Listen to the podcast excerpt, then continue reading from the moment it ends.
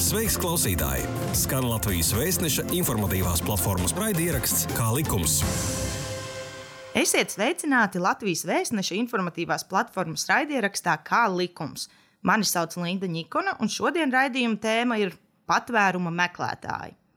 Pilsonības un migrācijas lietu pārvaldes statistikas dati liecina, ka no 1998. gada līdz 2021. gada 3. martam Latvijā starptautisko aizsardzību lūguši 3014 patvērumu meklētāji, taču kopumā bēgļa status piešķirts tikai 225 personām, savukārt alternatīvās aizsardzības status 569 personām. Lai noskaidrotu, kas tad īsti ir patvēruma meklētāji un ar ko šis, šīs personas atšķiras no cilvēkiem, kuriem tiek piešķirts bēgļa vai alternatīvās aizsardzības status, kā arī to, vai 2021. gadā Baltkrievijas pilsoņi joprojām ir aktīvākie patvērumu meklētāji Latvijā. Uz sarunu esmu aicinājusi pilsonības un migrācijas lietu pārvaldes patvērumu lietu nodaļas vadītāju Līgu Vijupi. Labdien! Labdien! Ļoti patīkami! Sākumā varbūt pastāstiet mums, lūdzu, kas ir patvērumu meklētāji un kurā mirklī persona no patvērumu meklētāja kļūst par personu, kurai piešķirts bēgļa vai alternatīvās aizsardzības status. Tātad sākumā gribētu teikt, ka, protams, visu šo kārtību un visu to, par ko mēs šodien runājam, galvenokārt nosaka patvērumā likums. Un tātad šī procedūra Latvijā darbojas no 1998. gada, Tā kā mums jau ir uzkrājusies diezgan liela pieredze.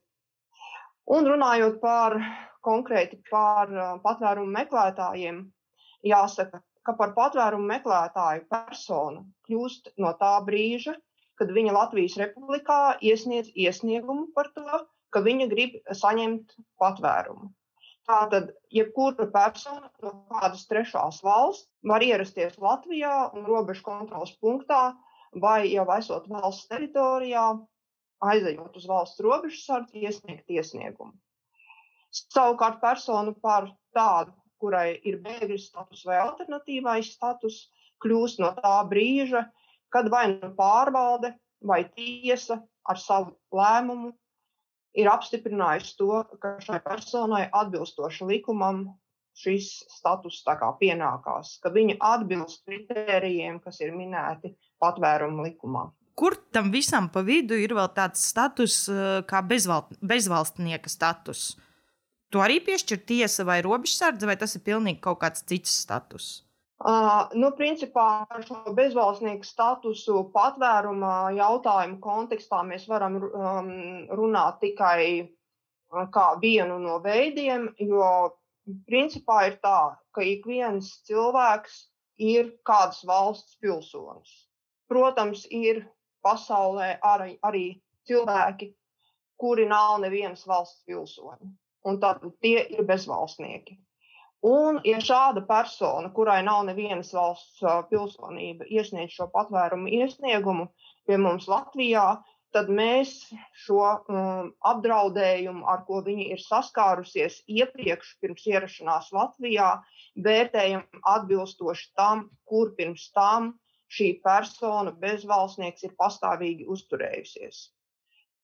Tātad šis bezvalstnieks jānodala uh, no, no, no tās procedūras, kad Latvija ir tā, kas piešķir šo bezvalstnieku statusu. Bet tas nav jautājums, ko mēs tā teikt varētu skatīt šodien patvērumu jomas kontekstā.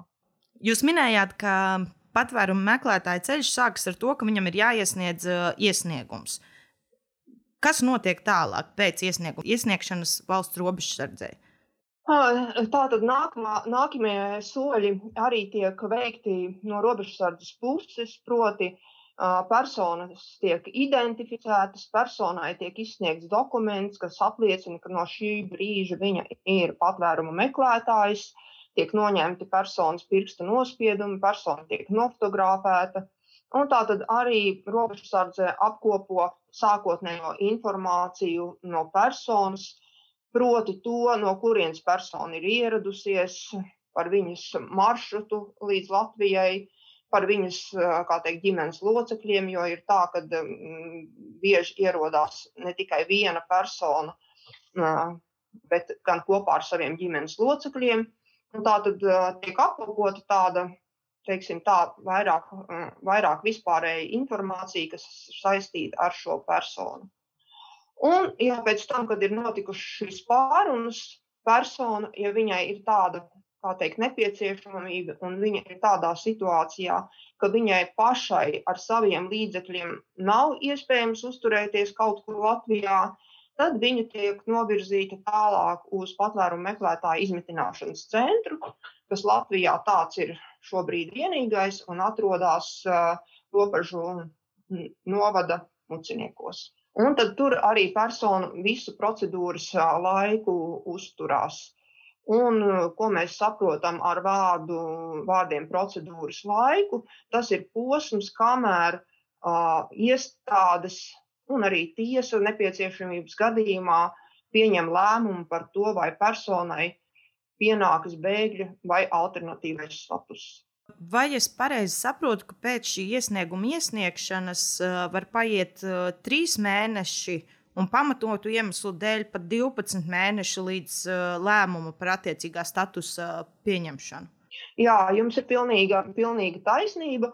Tātad uh, šie, šie laika nogriežņi, kuros um, iestādēm ir pienākums darboties, viss ir noteikti patvērumu likumā, un mēs tiem arī, kā teikt, sekojam. Un likums tātad paredz, ka lēmums par statusa piešķiršanu vai atteikumu tie, to piešķirt pārvaldei ir jāpieņem trīs mēnešu laikā, kopš uh, ir veikta personīgā intervija ar personu, bet tas nedrīkst notikt vēlāk kā sešu mēnešu laikā kopš pieteikuma iesniegšanas brīža. Savukārt, ja ir gadījumi, kas ir sarežģīti dažādu tiesisko jautājumu dēļ, vai tāpēc, ka ir nepieciešams laiks papildus informācijas iegūšanai, informācijas pieprasīšanai ne tikai no Latvijas atbildīgajām iestādēm, bet arī no citiem sadarbības partneriem, Tas arī var kļūt par iemeslu tam, kā šis pieteikuma izskatīšanas termiņš pagarinās un var būt līdz 12 mēnešiem. Jā, un kādas šajā laika posmā ir patvērumu meklētāja tiesības un pienākumi? Nu, es ar to domāju, kamēr tiek izskatīts šis uh, iesniegums. Tā tad uh, personas pienākums šīs procedūras laikā ir uzturēties Latvijā, būt sasniedzamai iestādēm, Proti, ja viņai ir nepieciešamība mm, atstāt centru uz kādu ilgāku laiku, viņai ir jāpaziņo, kad viņa būs atpakaļ. Vai arī, ja viņa, piemēram, maina savas dzīves vietu, tad viņai ir pienākums paziņot par to, kur, viņa, kur ar viņu var, var sazināties. Un tāpat ir jāsniedz personai visa viņas rīcībā esošā informācija, kas var būt noderīga un kas var būt par pamatu tam, lai pieņemtu pamatotu lēmumu personas lietā. Tad varbūt varat arī minēt kaut kādus konkrētus piemērus, kad patvērumu meklētājiem tomēr tiek atteikts piešķirt šī bēgļa vai alternatīvās aizsardzības statusu. Un, ko, un kas notiek tālāk? Viņam pašiem ir jādodas atpakaļ uz to uh, mītnes zemi, vai kur viņi paliek? Uh, nu tā tad, lai tā īsumā aptvertu visu šo jautājumu, uh, jāsaka tā, ka tātad, uh, šie aizsardzības statusi, tas ir vai nu bēgļa vai alternatīvais status, uh, tiek piešķirts gadījumos, kad mēs varam konstatēt, vai mēs esam guvuši pārliecību tam, ka persona savā pilsonības valstī, vai ja viņa ir bezvalstnieks savā iepriekšējā mītnes zemē, ir saskārusies ar um, tādām darbībām, ko likums sauc par vajāšanu, proti, tie ir bijuši kaut kādi smagi cilvēktiesību pārkāpumi. Uh, Bēgļu status gadījumā tādi gadījumi, kas ir saistīti ar personas rasi, tautību, politisko pārliecību, piedarību noteiktai sociālai grupai vai uh, reliģiskās piedarības uh, dēļ. Tātad tie ir tādi konkrēti likumā iezīmēti uh, kritēriji, kas var kļūt par pamatu bēgļu statusu piešķiršanai. Savukārt alternatīvais status tiek piešķirts personām, kad ir pamats uzskatīt un ir pietiekami pierādījumi tam, ka personai vai nu ir piespriests, vai varētu tikt piemērots nāves sods, vai arī viņa varētu saskarties ar smaga kaitējumu gadījumiem, kas arī tāpat ir smagi cilvēktiesību pārkāpumi, spīdzināšana, citāda veida nehumāna izturēšanās, vai arī, kas ir diezgan, teiksim tā, bieži gadījumi, ja valstī, no kuras ir ieradusies persona, ir iekšēji bruņoti iekšēji vai ārēji bruņoti konflikti, un tas rada tātad apdraudējumu personas, personas dzīvībai. Un tātad šie ir tie galvenie teikt, nosacījumi, pēc, pret kuriem vai pēc kuriem tiek vērtēts tas, vai personai būtu piešķirams bēgļa vai alternatīvais status. Viens no tiem tādiem svarīgiem momentiem visā šajā izskatīšanas procedūrā ir ticamības moments, vai tam, ko persona mums stāsta, vai tas ir ticami, vai mēs personai varam uzticēties, vai, viņas, vai personas sniegtā informācija ir tātad saskanīga, viņa nav iekšēji savstarpēji pretrunīga. Savukārt svarīgi ir minēt to, ka ja pārvalde pieņem lēmumu, kas ir negatīvs personai, vai daļēji negatīvs, proti, personai tiek piešķirts alternatīvais status, bet viņi savukārt uzskata, ka tomēr būtu pamats piešķirt bēgļu statusu, personai ir tiesības pārvaldes um, pieņemto lēmumu pārsūdzēt administratīvajā rajona tiesā. Kas tad savukārt atbilstoši patvēruma likuma nosacījumiem vēlreiz pārvērtē visu personas lietu, un pieņem teikt, gala lēmumu šajā, šajā lietā. Tas nozīmē, ka, ja tiesas ieskatā vēl papildus uz iegūtiem pierādījumiem vai cita veida apsvērumu dēļ, tad iestādes pieņemtais lēmums var tikt mainīts un var tikt nolēmts, ka personai šis status pienākās. Tātad, ja personai tiek piešķirts status, tad persona ir tiesīga un personai tiek izsniegts bēgļu ceļošanas dokuments ar pastāvīgo uzturēšanās atļauju, vai alternatīvā statusa gadījumā, ja personas rīcībā ir viņa izcelsmes valsts pase, tad šai pasei tiek pievienota termiņu uzturēšanās atļauja. Ja personas rīcībā pases nav, tad arī šajos gadījumos tiek izsniegta pase personai ar alternatīvo statusu. Un pamatojoties uz šiem diviem dokumentiem, tātad persona var turpināt uzturēties Latvijā un tātad jau veidot savu turpmāko dzīvi ar tādu pārliecību, ka viņas jaunā dzīves, jaunā dzīves vieta ir šeit, Latvijā. Savukārt tām personām, kuru pieteikumi un iesniegumi tiek noraidīti arī ar tiesas spriedumu, tātad šīm personām um, ir pienākums izceļot no valsts. Protams, var būt gadījumi, kad personām ir arī citi tiesiskie pamati uzturēties Latvijas republikā, un tāda attiecība atka, at, atkarībā no tā, viņām ir tiesības un pienākums sakārtot savus dokumentus, lai turpinātu Latvijā uzturēties legāli. Tad, respektīvi, šis termiņš. Ja ir papildu jautājumi, tad droši, jā, droši jautājiet. Jā, respektīvi, tad sanāk šis termiņš, cik ilgu laiku bēglis vai alternatīvā statusa ieguvējs var uzturēties Latvijā, ir atkarīgs no uh, termiņu uzturēšanās atļaujas vai patstāvīgās uzturēšanās atļaujas, vai, piemēram, viņam ir nu, parādījušās jaunas tiesiskās attiecības ar valsti. Es nezinu, viņš, viņš drīkst iegūt arī pilsonību un uz tāda likuma pamata vai nepalikt šeit patstāvīgi. Uh, nu tātad, uh, ja mm, persona uzturās Latvijā kā bēglis vai, vai persona ar alternatīvo statusu, tad, um, tad um, galvenais viņa uzturēšanās pamats ir tas, ka Latvijas valsts šai personai ir piešķīrusi šo aizsardzības statusu. Un tātad, principā, šis aizsardzības status var beigties, vai tas var tikt zaudēts mm, arī likumā noteiktajos gadījumos. Nu, tas, ar ko mēs līdz šim esam saskārušies, ir, ir, ir gadījumi, kad personas tiešām pēc, piemēram, piecu gadu uzturēšanās Latvijā ar pastāvīgo uzturēšanās atļauju, ir ieguvušas Latvijas pilsonību. Tātad viņa pārstāja būt bēglis, jo viņai ir citas valsts pilsonība, ir cita valsts uzņēmusies tātad, tādu teikt, atbildību rūpēties par šo, par šo personu.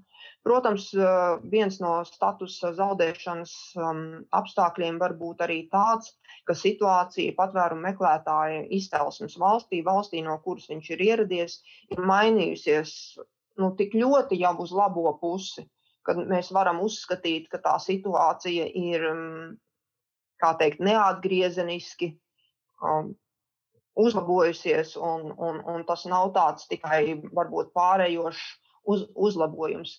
Nu, līdz šim mūsu praksē šādu gadījumu, jāsaka tā, diemžēl nav bijis. Nevis ar domu, ka diemžēl, jo mēs neesam varējuši, kā teikt, kādam kaut ko atņemt, bet tāpēc, ka tiešām, ja reiz izcelsmes valstī tā situācija ir neapmierinoša, teiksim, tā dažādu apstākļu dēļ, tad tomēr tas prasa ļoti ilgstošu laiku, lai varētu teikt, jā, situācija valstī ir laba. Personas, kas iepriekš ir bijušas vajātas vai saskājušās ar citiem pārkāpumiem, var droši, mierīgi atgriezties savā valstī. Mēs, piemēram, kaut vai varam domāt par situāciju Sīrijā, kur ir viss izpostīts. Tas, kā teikt, mēs varam tikai cerēt, ka situācija tur ar laiku uzlabosies. Kā likums? Kā likums? Jā, tu klausies Latvijas Vēstneša informatīvās platformas raidierakstu Kā likums. Tad varbūt varat vēl pastāstīt arī par to, uh, vai valsts un kādā apmērā uh, maksā pabalstus. Un vai tie tiek maksāti patvērumu meklētājiem, vai arī tad, kad jau ir iegūts viens vai otrs status? Runājot par šo tēmu, ir svarīgi saprast, ja tā var teikt, ka patvēruma meklētāji tas ir viens, viens status, kas ir uz to laiku, kamēr tiek izskatīts šis viņa pieteikums. Un tad, kā jau mēs runājām iepriekš, tas var, nu, ja, ja lietu pārņem arī tiesa, tas tā, tā teikt, lielos vilcienos reiķinot varētu būt kaut kur ap gadu, nedaudz mazāk. Savukārt, bēgļi vai alternatīvais status jau ir nu, tāds ilgtermiņa risinājums ar tādu skatu, kā teikt, nākotnē uz turpmāko, uz turpmāko dzīvi. Tātad, tas ir svarīgi šos abus, abus, abas šīs situācijas nošķirt. Un tātad, kamēr cilvēks ir patvērumu meklētājs, kā jau minēju, ja viņam nav pietiekami savi līdzekļi, viņš tiek izmitināts muciniekos, kur viņam tiek izmaksāts dienā 3 eiro teikt, šo ikdienas vajadzību no, nosekšanai. Nu, tā pašā laikā šajā centrā ir viņam, kā teikt, pajumte un, un tādi pietiekami, kā teikt, labi apstākļi tādai nu, atbilstoši šai situācijai, kurā viņš var uh, droši uzturēties. Savukārt, tad, kad persona jau ir kļuvusi par bēgli vai persona ar alternatīvo statusu, tad viņai, tā teikt, ir eh, jāpārkārtojas uz eh, tādu ikdienas normālu dzīvi, jāsāk domāt par to, kur viņa uh, dzīvos um, turpmāk, strādās, ko darīs, iegūs izglītību un tam līdzīgi par tādām diezgan ļoti praktiskām lietām. Ja mēs iedomājamies, ka cilvēks ir ieradies no kādas citas valsts, ieradies varbūt tās, kā teikt, tikai ar to, kas ir viņam mugurā, nu, tas ir diezgan liels, liels izaicinājums. Un tādēļ arī pēc tam, kad tiek piešķirts šis status, personai pārvalde izmaksā šo vienreizējo finansiālo pabalstu, kas ir tātad 278 eiro pilngadīgai personai Ja ir ģimene, tad otram pilngadīgajam laulātajam ir tātad 194 un nepilngadīgai personai 194 eiro. Bet um, te ir atkal jāuzsver tas, ka šis ir vienreizējs pabalsts. Tas tiek izmaksāts vienu reizi, tiešām ar domu, nu, kā teikt, lai katrs varētu kaut cik uzsākt savu dzīvi jau ārpus mucinieku centra. Un tad mēs katrs varam, katrs mēs varam pavērtēt, cik tas pabalsts ir liels vai mazs, vai kā mēs uz to tad arī, nu, kā teikt, paraugamies. Jā. Sakiet, lūdzu, kā patvērumu meklētāji vispār nonāk līdz Latvijai, tieši līdz mūsu valsts robežai, ņemot vērā, ka uh, patvērumu meklētāji nav tikai cilvēki no kaimiņu valstīm, minējāt to pašu Sīriju jau, bet muciniekos ir bijuši cilvēki arī no Afganistānas, Angolas, Armēnijas, Irākas, Kenijas un vēl citām valstīm. Kā viņi nonāk tieši līdz uh, Latvijai? Šie ceļi ir ļoti teikt, dažādi atkarībā no uh, situācijas, atkarībā mēs varētu teikt no katras konkrētās personas situācijai, kas, kas ir bijis par iemeslu tam, ka viņa ir nākusi tieši caur šo ceļu. Nevienmēr mēs varam teikt, ka viņa mm, tā apzināti ir pati izvēlējusies šo ceļu. Ir arī tādi gadījumi, bet ne, nevienmēr. Nu, te, protams, ir jāņem vērā mūsu geogrāfiskā atrašanās vieta. Ja? Tātad daudzi, daudzi no mūsu patvērumu meklētājiem ir ieceļojuši caur uh, mūsu kaimiņu valstīm. Savukārt, kā viņi ir nonākuši mūsu kaimiņu valstīs, es domāju, Krieviju, Baltkrieviju, šo, aus, šo austrumu, austrumu reģionu. Tāpat, lai arī personas ir piemēram no, no Angolas vai no kādas citas Āfrikas valsts, viņas ceļojuma maršruts ir vedis cauri, cauri Krieviju vai tāpat arī no, no Pakistānas, um, Afganistānas vai arī citām tām dienvidu, uh, dienvidu republikām.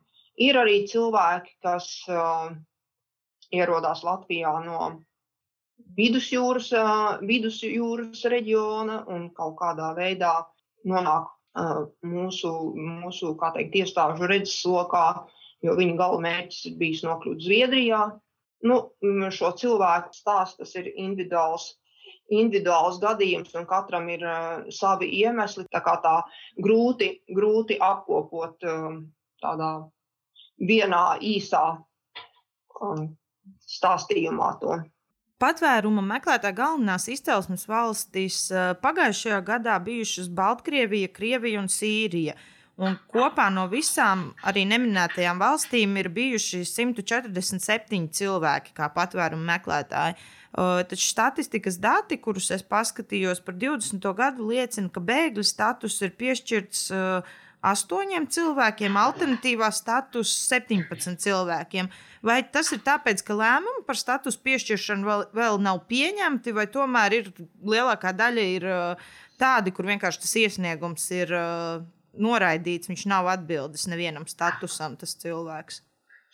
Uh, nu, te pirmkārt ir jāsaka tas, ka, protams, ja mēs tā procentuāli runājam, tad tāds ļoti vidējs atskaites punkts varētu būt kopumā tas, ka patvērumā šis aizsardzības status tiek piešķirts apmēram 20% gadījumu no uh, visiem patvērumu meklētājiem. Bet es, tas ir tā ļoti vispārīgi teikts. Uh, jo te uzreiz ir jāsaka tas, ka tas ļoti atšķirās no tā, no kurām valstīm šie cilvēki ir ieradušies. Mums iepriekš ir bijuši gadi, kad mums ir bijuši, piemēram, patvērumu meklētāji no Sīrijas. Viņu ir bijis, teiksim, tā gandrīz vai pusi no kopējā skaita. Un tad līdz ar to, piemēram, šis procents kļūst jau daudz um, augstāks, jo visiem uh, viņiem līdz šim ir ticis piešķir, piešķirts uh, vairumā gadījumā alternatīvā, alternatīvais status. Tāpēc tas ir viens no momentiem, kas jāņem vērā. Svarīgi, no kuras valsts ir šie patvērumu meklētāji, tad arī veidojās vai vairāk vai mazāk ir piešķirts konkrētais, konkrētais uh, status. Bet ir arī, protams, tas, ka ne par visiem patvērumu iesniegumiem, kas iesniegti, piemēram, pagājušā gadā. Uz šo brīdi jau par visiem ir pieņemts lēmums. Tā nebūtu nav. Mums vēl ar vienu ir teikt, izskatīšanā pietiekami daudz lietu, ņemot tos termiņus, par ko mēs runājām iepriekš, kas vēl ar vienu atrodas izskatīšanā. Tāpēc ir grūti to situāciju tā viennozīmīgi vērtēt tie, kas iesniedza tajā gadā, cik Mm, cik ir status tajā gadā piešķirts. Tur vienmēr ir šī pāreja no viena gada uz otru. Piemēram, Baltkrievijas situācija. Tad sanāk tā, ka cilvēki no Baltkrievijas meklē patvērumu, un tad uh, tik tiešām ir tā, ka vieniem tiks, pieš, tiks piešķirts šis bēgļu vai alternatīvā status, bet citiem nē, jo viņi neatbildīs uh, vērtēšana, noteiktajiem vērtēšanas kritērijiem. Vai es, nu, vai es pareizi saprotu? Nu, tas atkal ir uh, skatāms kontekstā, par kuru valsti mēs runājam. Kā jau es minēju iepriekš, run, runājot par Baltkrieviju, teiksim tā, arī ir uh, vismaz šobrīd, kāda ir situācija uh, tur. Ir, ir, ir skaidrs, ka tur pastāvošā tā teikt vara uh, darbojas teiksim, tā, pret, uh, pret cilvēkiem, un Principā jāsaka tā, ka šie apstākļi liecina par to, ka cilvēki, kuri ir iesnieguši šos iesniegumus šobrīd, šo statusu arī uh, saņems. Vien vai nu bēgļi, vai, vai alternatīvo, tas jau atkarīgs no katras lietas, uh, kā teikt, individuāliem apstākļiem. Bet, uh, bet nu, par Baltkrieviju mēs arī varam runāt kā par tādu, nu, teiksim, tā jau diezgan, diezgan um, skaidru šo šī situācija Baltkrievijā uz šo brīdi ir pietiekami nu, teikt, skaidra, kāda tā ir. Jo ir citos, citos gadījumos, kad ir šie cilvēku iesniegumi, un tur tie, mm, tie iesniegumi pamati ir ļoti dažādi. Viens, piemēram, balstās uz to, ka viņš tiek vajāts reliģisku apsvērumu dēļ, cits min to, ka tas ir šī vajāšana saistīta ar viņa politiskajiem uzskatiem. Um, ir, ir citi gadījumi, kad um, sievietes ir um, kā sociālā grupa tajā valstī sakarā ar to, um, kā, kāda ir attieksme pret viņām. Tad mēs nevaram runāt, kad, uh, piemēram, ja arī visi šie cilvēki ir no vienas valsts, ka šiem visiem cilvēkiem apmēram ir paredzams, kāds status varētu tikt piešķirts. Bet Baltkrievijas gadījums ir nedaudz savādāks, jo tie cilvēku stāsti runā par, par esošo situāciju kā tādu. Bet vai eh, varat teikt, nu, jūs droši vien zinat, 2021. gadā šobrīd uh, Baltkrievija ar vien turpina meklēt patvērumu Latvijā? Ja? Nu, jā, bet tas teikt, personu, personu skaits šobrīd neliecina par to, ka tas personu skaits, kas iesniedz iesniegumus, kā teikt, strauji pieaugtu. Ja? Bet te ir arī, protams, jāņem vērā visa, visa tā kopējā situācija, kurā mēs visi atrodamies. Tas ir šie Covid ierobežojumi, um, papildus uh, kaut kādi pasākumi, kas ir noteikti robežu šķērsošanai. Un tas ir ne tikai uz ieceļošanu, bet varbūt arī uz izceļošanu. Tā kā tie ir visi uh, faktori, kas, uh, kas, ieceļ, um, kas ietekmē to, kāpēc, um, piemēram, Mm, vienā brīdī varbūt šo iesniegumu skaits aug straujāk, citā brīdī atkal nav, nav, nav, nav šie iesniegumi. Tas nav tik nu, teikt, viennozīmīgi. Mēs nekad nevaram, nevaram pateikt, ka mēs orientējamies, ka mums katru nedēļu iesniegs piecus iesniegumus. Jā. Tad vēl vēlējos pieminēt to, ka jūs minējāt, ka tiek saņemti tie 3 eiro dienā, jeb 21 eiro nedēļā. Un uh, publiskajā telpā ir, es atradu tādu faktu, ka Baltkrievi paši esot teikuši, ka ar to visas pamatvajadzības nu, ir ļoti grūti nodrošināt. Ņemot vērā, uh, ka tieši strādāt viņi var ne ātrāk kā pēc sešiem mēnešiem, ja nav vēl piešķirts šis status. Uh, Un, uh, cik es saprotu, saimā ir iesniegti grozījumi imigrācijas likumā, lai šo termiņu samazinātu līdz trīs mēnešiem. Varbūt varat par šo arī pastāstīt. Uh, jā, šā, šāda teikt, iniciatīva un šāds priekšlikums uh, šobrīd jā, atrodas saimā. Mēs no savas puses atbalstam šo teikt, pieeju, ka šis termiņš varētu tikt, tikt samazināts.